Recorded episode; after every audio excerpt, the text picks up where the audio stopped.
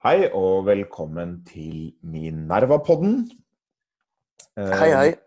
Hei, Jeg heter Nils August Andresen, jeg er ansvarlig redaktør i Minerva. Og med har jeg deg som allerede har sagt hei, hei, nyhetsredaktør Aksel Fridstrøm. Takk Hei, for det. Hei, hei. Ja. Du, eh, vi har eh, det, skjer jo ting i Norge, men eh, det skjer jo enda mer ting egentlig i eh, USA. Eh, hva er det som Ja. skjer der, eh, Aksel? Nei, der er det jo, holdt jeg på å si, ganske dramatiske opptøyer. Eh, Som jo da foranlediget av dette som vel, eh, vel er et drap, kanskje, på, på George Floyd. Eh, hvor det da er en eh, politibetjent som sitter oppå på nakken hans, og til slutt forårsaker da skader som gjør at han dør da, av, av- av disse skadene. Og dette er jo da veldig godt dokumentert, og det er jo ikke spesielt rart egentlig at folk reagerer på den, eh, den videoen, for den er jo ganske skrekkelig. Og så går jo dette selvfølgelig også inn i altså Dette blir, blir, blir jo et eklatant eksempel også på, eh, på det veldig mange har vært opptatt av i Amerika veldig lenge. Eh, det at svarte også der er, er mye utsatt da, for, for politiet. Men Aksel, vi skal snakke mer om USA, men, men eh, vi vet jo det at utenriks det, det, det selger ikke. Så vi måtte knytte det på. En knagg, en norsk knagg, det er leserne og lytterne veldig opptatt av. De tror de er opptatt av verden, men først og fremst hvis det kan kobles til Norge. Og vi har en norsk knagg for denne saken. Hva er det for noe? Ja, Erna Solberg har jo uttalt seg om det. Eh, og ja, for å bruke Erna sine egne ord, så vet jeg ikke om jeg ville brukt akkurat de ordene som hun, som hun brukte. Men det hun veldig konkret har sagt, er at hun har jo da eh, sagt at hun har jo da koblet det at svarte er, er mer utsatt for politimål, mot, mot det at de også begår en større andel. eller Det er de overrepresenterte på kriminalitetsstatistikken. da. Noe som eh, mange har reagert veldig Ja. veldig negativt på. Altså det- Eh, det- hun, ja. Det, det hun sa eh, først, var vel eh, eh, Svarte er mer utsatt for politivold. Eh, det er ikke, ikke ordrettssitat, men etter hukommelsen. Svarte er, ikke, er mer utsatt for politivold rett og slett fordi de oftere begår kriminalitet, eller noe sånt. Og det er jo en uttalelse som, eh, sånn som den er formulert der, så er den, eh, så er den gal.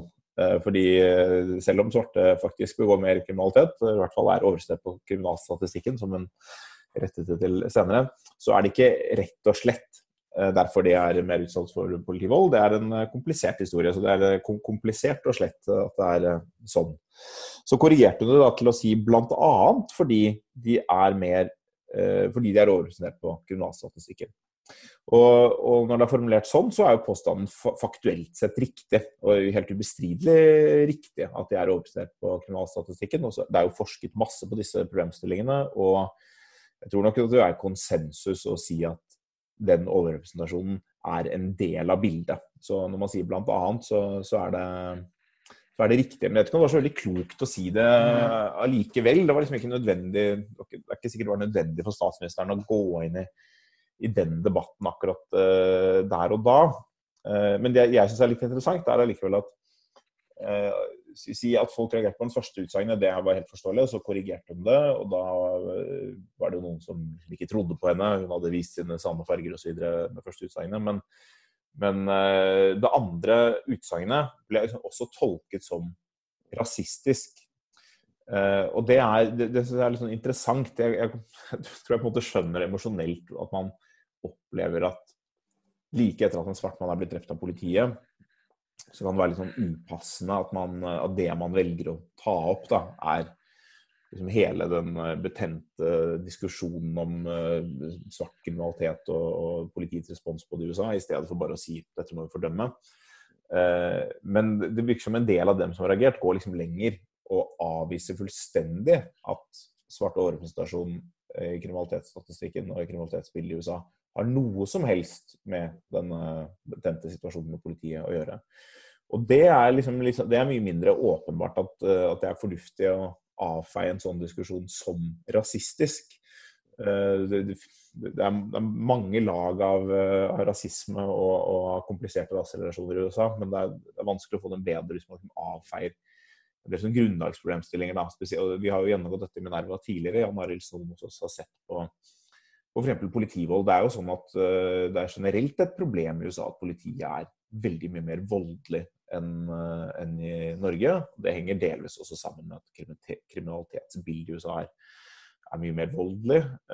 Men det drepes jo ganske mange hvite, ikke-væpnede hvite, også av politiet. Og hispanics og, alle andre grupper. Så et spørsmål man da tar opp, er liksom er, er svarte overrepresentert? Og eh, det er det i den forstand at de er overrepresentert relativt til sin andel av befolkningen. Eh, og så kommer det an på hva, hva er det relevant å se på. Noen har da skrevet at hvis du, hvis du sammenligner med andelen som er involvert i alvorlig voldskriminalitet f.eks., så er de ikke overrepresentert. Og så er det spørsmål hvilke personer er det egentlig som havner i konflikt med politiet. Og det er en kjempekronglete debatt uh, som jeg ikke tror kanskje er det fornuftige bakteppet for, for, for, å forstå opptøyene bak George Floyd, men som, er, uh, som, ikke kan avvises som rasisme hvis man skal ha en diskusjon om, uh, om politivold i USA. Da er man nødt til å gå liksom litt grundigere inn i det. Men du Aksel, jeg skriver på en annen sak om USA eh, nå som jeg, jeg, tenker kanskje danner litt mer sånn kontekst for å forstå opptøyene. Fordi eh, altså det er jo ikke det er mye politivold i USA, men disse, vi får jo ofte med oss denne type saker, denne type videoer. Det er noe vi hele verden i en viss forstand ofte får med seg. Vi husker jo Ferguson, og vi husker, uh, husker flere av disse sakene de siste årene. og det er litt sånn, De mest alvorlige sakene blir alle sammen store hendelser. Og Når det blir så dramatisk nå, så tror jeg nok at det også går inn i en kontekst hvor raserelasjoner er satt på spissen uh, av andre grunner gjennom hele Trumps presidentskap. Og det jeg ser på denne artikkelen som jeg forsøker å skrive, er, uh, er støtten til Trump. Hvem er det som støtter Trump, og, og hvor, hvor stabil er den støtten? Og støtten til Trump har de siste to og et halvt årene ligget nesten dønn stabilt på 42% Nesten ikke noe opp og ned i det hele tatt. Det har aldri vært lavere enn 39,9, eh, aldri høyere enn 43,9 på fire år. Nesten alle andre land du ser på, så vil støtten til regjeringen i løpet av en så lang periode gå ganske mye opp og ned med økonomiske opp- og nedturer og sånn. Men her ligger det helt flatt. Og naturlig tolkning av det egentlig er at Uh, støtten til Trump det handler ikke lenger om policy, det handler ikke om økonomien går bra eller dårlig, det handler ikke om tabber han gjør eller skandaler administrasjonen er involvert i. For dem har det jo vært mange av. Altså økonomiske opp- og nedturer, korona, eh, impeachment, eh, den type ting.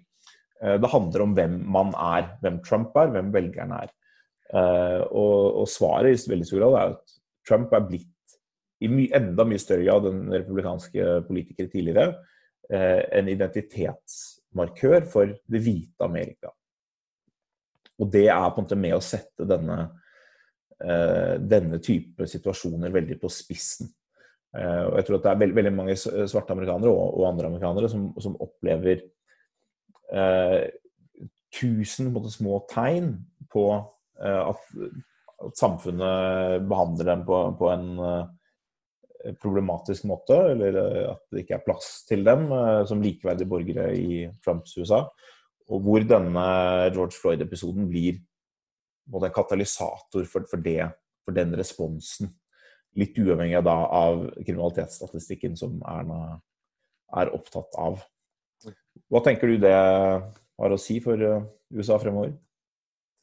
Nei, jeg syns jo utviklingen i Amerika er, er, er, veldig urovekkende, da. Og veldig trist. Og jeg tror jo også at jeg kan legge til ett tilleggspoeng også i det du tar opp. Altså jeg tror også at USA så de, de, mangler også noen der ute som oppfattes som nøytrale informasjonsformidlere. For det er liksom de nøytrale informasjonsformidlerne som liksom kan, kan, snu opinionen, da. Ikke sant. Men hvis alle informasjonsformidlere enten liksom er i den ene eller andre leiren, så er det liksom ikke mulig å, fly, å, å flytte velgerne på den ene eller andre siden. Mm. Uh, og så tror jeg også det at uh, Trump er jo en figur som uh, mange har valgt seg liksom nett, nettopp fordi at den er splittende. ikke sant? Så hvis beveggrunnen for å få satt han inn i utgangspunktet var at det skulle være splittende, så vil du liksom heller ikke kanskje trekke tilbake støtten da når du opplever at du, du, du får det du vil. Mm. og da er det jo veldig vanskelig. Og det som jo gjør dette jeg mener, veldig, veldig problematisk i et historisk perspektiv, er at det du jo ønsker deg fra et politisk system. Altså Grunnen til at man ønsker å ha et politisk system, det er jo fordi at man erkjenner at det finnes en del interessekonflikter i samfunnet som man er nødt til å jobbe sammen for å finne et eller annet velfungerende kompromiss på. ikke sant? Så politikken når den er bra, er den jo veldig forsonende. Men det som eh, utviklingen i amerikansk politikk nå viser, er at eh, politikken er helt kontraproduktiv. Altså den, den, går inn for å gjøre det diametralt motsatte av hva som egentlig er politikkens opprinnelige formål. Mm. Og ikke bare Trump i og for seg, også, også, også, aktører på venstresiden. Men der er det ikke de som leder partiet, da, men du har liksom i rank and file liksom, på venstresiden i Amerika, så er det også mange av de som er, som er, opptatt av å ha mest mulig splittelse. Og jeg tror at også Trump i størst mulig grad også ønsker å ha dem som hovedmotstander. da. Det er mye bedre å ha dem som hovedmotstander, fordi at er, de er preget kanskje av mer irrasjonalitet og manglende evne til å analysere de langsiktige konsekvensene av hva de holder på med.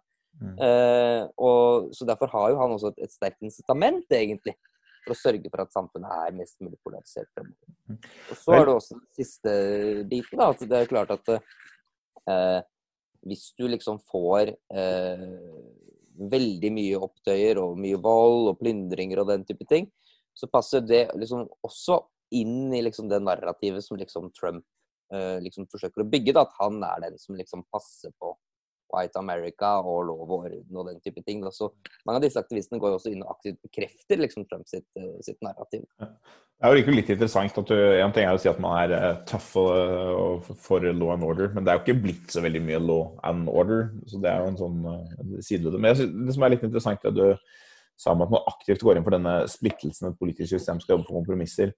Jeg på, altså jeg, det er nesten sånn, når man, begynner, når man, ser på støtten til partiene i USA akkurat nå, så ser det på at det ser ikke ut som et vanlig vestlig demokrati. Det ser ut som eh, demokratier der partiene er organisert liksom, langs etniske linjer, sånn som Libanon. Hvor du har et eh, kristent parti, et Shia-parti, et Sunni-parti og noen andre mindre partier. Og, og, hvor støtten til de partiene liksom ikke, i hovedsak ikke er policy-basert, men identitetsbasert. Eh, men eh, selv i et sånt samfunn så vil altså, det vil være konflikt mellom disse gruppene, men de vil også i noen grad eh, vite at de må samarbeide og lage kompromisser. Men i USA så er det blitt USA er jo ikke vant til at ting går til helvete. Så de, jeg tror det er litt sånn de har de, tar seg på en måte råd til å dyrke splittelsen som en og polariseringen som en politisk strategi. Og så får man liksom, begynner man å se da nå hvor ekstremt alvorlig det er når det får utvikle seg over tid. Og dette har utviklet seg over, over lang tid, og Trump er uh, i første rekke et symptom på, på, det. eller altså Det at han kunne bli valgt, er et symptom på dette. Og så har han, en akselerator. Så og, så, liksom, ja, og så en akselerator når han først har kommet inn i, inn i rollen. Det er jo ekstremt uh, interessant. Det blir, og det blir veldig spennende å se om, om denne, denne, situasjonen er noe som kan drive liksom, si, flere Kall det moderate, det kan være riktig ord, men, men, hvite velgere mellom partiene mot Trump, hvis det blir veldig mye uro. Det, det andre som er interessant med, med denne stabile støtten til Trump, er jo at eh, så langt så er det ikke så mye som tyder på at det vil skje heller. Altså ting er at Trumps velgere holder seg til ham uansett, men han får heller ingen nye Uansett hvor bra det går. fordi man må huske på at det har jo gått veldig bra med amerikansk økonomi de siste årene, f.eks. Altså, I normale sammenhenger så ville en president som hadde hatt en økonomi som, som, Trump har hatt, og i tillegg hatt den situasjonen at det er få kriger i utlandet, man har trukket tropper tilbake, som har vært relativt populært. og Han har i en viss forstand vært heldig med den utenrikspolitiske utviklingen. Krigen i Syria var eller også krigen i Syria er veldig komplisert, men IS var, var jo på vei til å bli bekjempet da han eh, inntrådte. Og det har ikke dukket opp noen store, nye militære konflikter. Han er ikke blandet landet inn i noen. Man skulle tro at det ville gjøre at flere velgere vurderte ham. Men det har heller ikke skjedd. Så, så han har aldri kommet over disse 43,9 på approval rating. Eh, og det er som så, så månedssnitt. Det finnes enkeltmålinger som, som er bedre. Men, men det tyder på at motviljen mot hans splittende væremåte Eh, og dette spillet på hvit identitetspolitikk er det skaper et absolutt tak for støtten til ham. Og det viser jo da også at det, øh, men, mens minoritetene liksom nesten øh, nesten fullstendig stemmer demokratisk, det gjelder først og fremst svarte, men i stor grad hispanics og asiater også, så er hvite velgere splittet. Det er på en måte det som sånn er kampsonen. Det er et flertall av hvite velgere, ganske for så vidt ganske betydelig flertall av hvite velgere som stemmer republikansk. Men det er en veldig stor andel av hvite velgere som eh, allikevel, da, 45% eller noe sånt, som, som ikke er en del av dette hvite identitetsprosjektet. Og Mm, ikke vil stemme på det nærmest under noen omstendighet. Og det, Så langt har det liksom holdt, og de har ikke blitt uh, indusert til å stemme på Trump. Og jeg tror det skal ganske mye kaos til før det, før det skjer. Vi så jo nå, var det i går, at uh, James Mattis, den tidligere forsvarsministeren, Mm. gikk jo ut Jeg vet ikke om du så denne saken? Ja, Jeg så det. Jeg så det. Jeg så Ja. George Bush også har gått ut. Ja, så nå begynner liksom kritikken fra det som man kan kalle det republikanske establishmentet å komme. Mange ville sagt at den kanskje skulle kommet for, for tre år siden. No, noe kom da, og så ble det helt stille etter at han ble, ble valgt. Eh, Men det er jo interessant også å se om det kan ha noe å si. Du snakker om dette med nøytrale informasjonsformidlere, som jo er en ekstrem mangelvare. Eh, Men om den type personer har noen kredibilitet lenger i den republikanske verden. Og det er ikke sikkert at de har, fordi den republikanske maskinen er blitt veldig effektiv til å ta enhver stemme som kritiserer Trump, og få den liksom brandet, brandet som uh, liberal elite og coastal elites og, og sånne. Så det får vi se. Jeg har tenkt på det, det med nøytrale informasjonsgivere. Det er jo sånne ting vi har diskutert litt i Norge også, hvor man har fått liksom, alternative medier osv. Jeg syns det var interessant å se under koronaepidemien hvordan liksom, folk strømmet til til VG og NRK for å få sine oppdateringer. Det er selvfølgelig noe med at de har enorme ressurser og kan dekke feltet mye bedre. Men jeg tror, jeg tror, det var veldig få i Norge som tenkte sånn hm, Nå skal jeg lese liksom hva Resett har å si om koronakrisen, for det er dem jeg stoler på. Altså, folk stoler på en måte på Resett for å få tilfredsstilt uh, sin motvilje mot muslimer. Men, det er ikke sånn at, men hvis det gjelder liv og død for dem selv, da går de på en måte ikke til Resett, da går de til, til VG. Men i USA er det jo ikke sånn. Ikke sant? Det ser vi med når, når presidenten snakker om ulike altså, å drikke blekemiddel mot uh, korona, så er det da folk som går og gjør det. ikke sant? De stoler på ham snarere enn på da, eksperter osv. Som, som er et tegn på et polarisert samfunn der informasjon ikke har noen annen verdi enn avsenders troverdighet. Ja, så vi er bekymret for, uh, for USA, Aksel. Har du noe ja, jeg, kan, jeg har en annen ting som jeg kan si også liksom, om Trumps velgerbase hvordan man eventuelt vinner og taper. da, og det er at uh, i politisk strategi så mener jeg at det er en veldig stor fordel å, sitte på den største homogene gruppen. Og selv om den største homogene gruppen er et mindretall, da, som er tilfellet for, liksom, for, Amerika, så er liksom den velgerbasen til Trump det er grunnen til at den er så, ja, det er så lite bevegelse i den, at den er ganske homogen i hvordan den identifiserer seg selv, og hva den liksom synes om tingenes tilstand. Og hvis du har en veldig stor homogene gruppe, eller den største homogene gruppen, så blir det jo opp til de som vil slå den. De må jo da klare å bygge en eller annen koalisjon da, som består av grupper som har litt større interessemotsetninger i hverandre. Så den, den, demokratiske koalisjonen den er jo mer fargerik, altså rent sånn etnisk sammensatt, men den er også mer ideologisk fragmentert. Da. Det er litt sånn ulike grunner, Folk har ulike beveggrunner for å være der. Og det som gjør at eh, Selv om den demokratiske koalisjonen, når den er fullmobilisert, da, egentlig er størst, så kan den tape hvis du klarer å sørge for å synliggjøre uenighetene liksom, internt i den demokratiske koalisjonen. Hvis du klarer å få det, liksom, de moderate og de radikale liksom, til, å, til å demobilisere hverandre, da, Mm. så vinner jo Trump.